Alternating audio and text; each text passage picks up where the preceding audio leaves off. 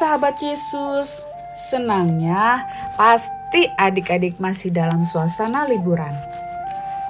Tapi jangan lupa ya adik-adik untuk selalu mematuhi protokol kesehatan.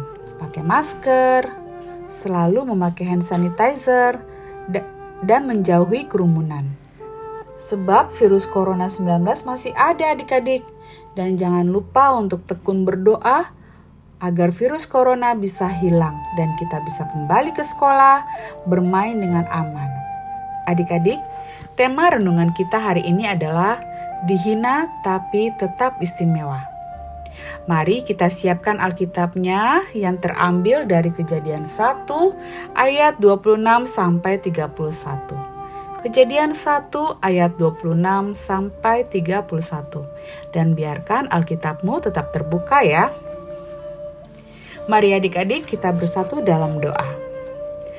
Terima kasih Tuhan Yesus untuk penyertaan-Mu setiap hari.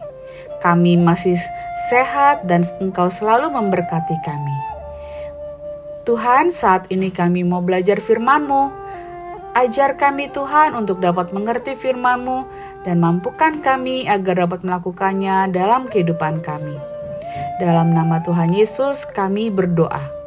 Amin. Nah, firman Tuhan hari ini terambil dari Kejadian 1 ayat 26 sampai 31. Mari kita baca. Berfirmanlah Allah, baiklah kita menjadikan manusia menurut gambar dan rupa kita, supaya mereka berkuasa atas ikan-ikan di laut dan burung-burung di udara dan atas segala binatang-binatang melata yang merayap di bumi. Maka Allah menciptakan manusia itu menurut gambarnya. Menurut gambar Allah diciptakannya dia, laki-laki dan perempuan diciptakannya mereka. Allah memberkati mereka.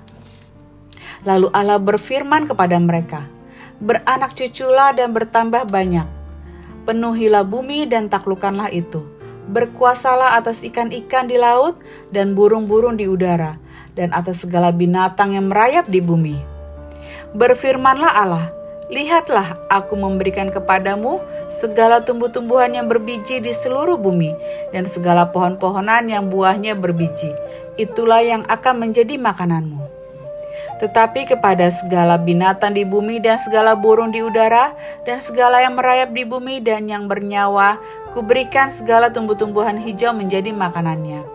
Dan jadilah demikian. Maka Allah melihat segala yang dijadikannya itu sungguh amat baik.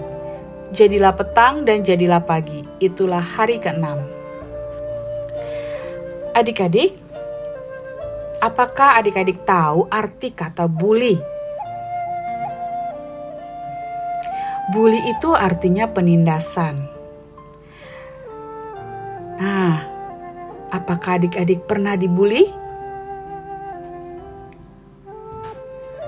Ya, bully itu bisa terjadi di mana saja. Bisa di sekolah, di lingkungan rumah juga bisa. Nah, biasanya contohnya seperti apa sih bully itu? Diejek, setiap hari adik-adik diminta uangnya secara paksa, atau adik-adik uh, sengaja dipukul uh, sama temannya supaya uh, teman-temannya yang lain bisa tertawa mengejek. Itu arti kata membuli.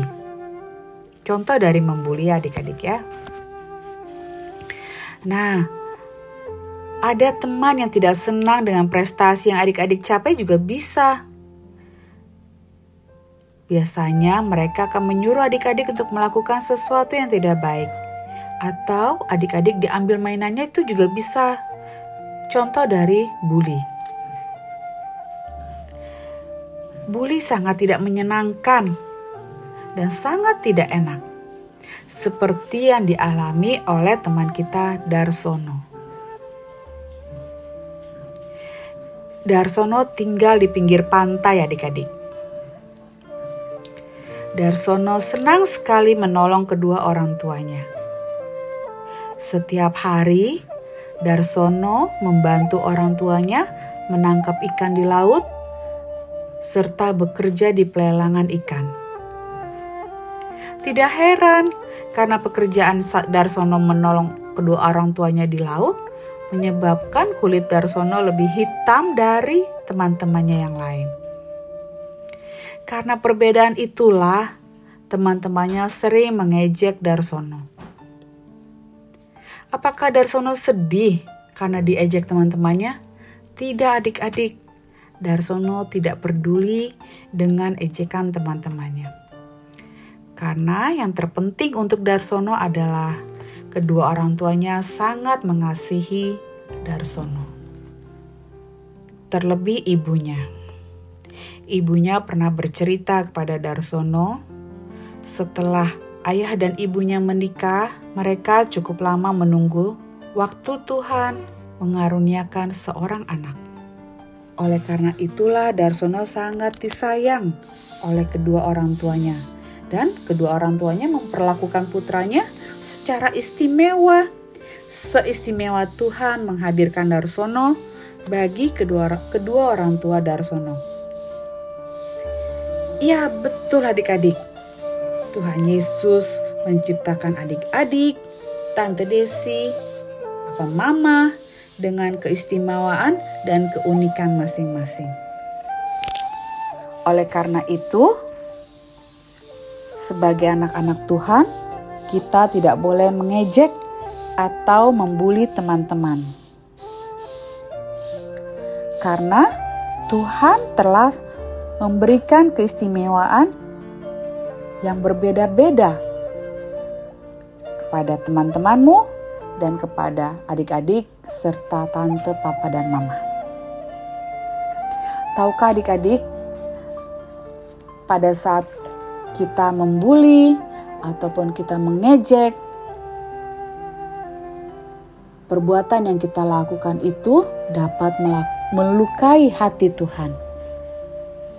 Tuhan tidak senang dengan sikap kita yang yang mengejek atau membuli. Jadi selalu ingat ya adik-adik, kita harus berteman dengan siapa saja dan kita harus menjaga pertemanan itu dengan baik. Tidak boleh membuli, tidak boleh mengejek. Karena itu adalah hal yang tidak baik. Mari adik-adik, kita mau sama-sama ucapkan janji komitmen. Aku mensyukuri keistimewaanku yang dari Tuhan, meski banyak orang yang menghina. Mari kita berdoa. Bapa di surga, mampukan kami untuk selalu mensyukuri berkat istimewa yang Tuhan karuniakan dalam hidup kami.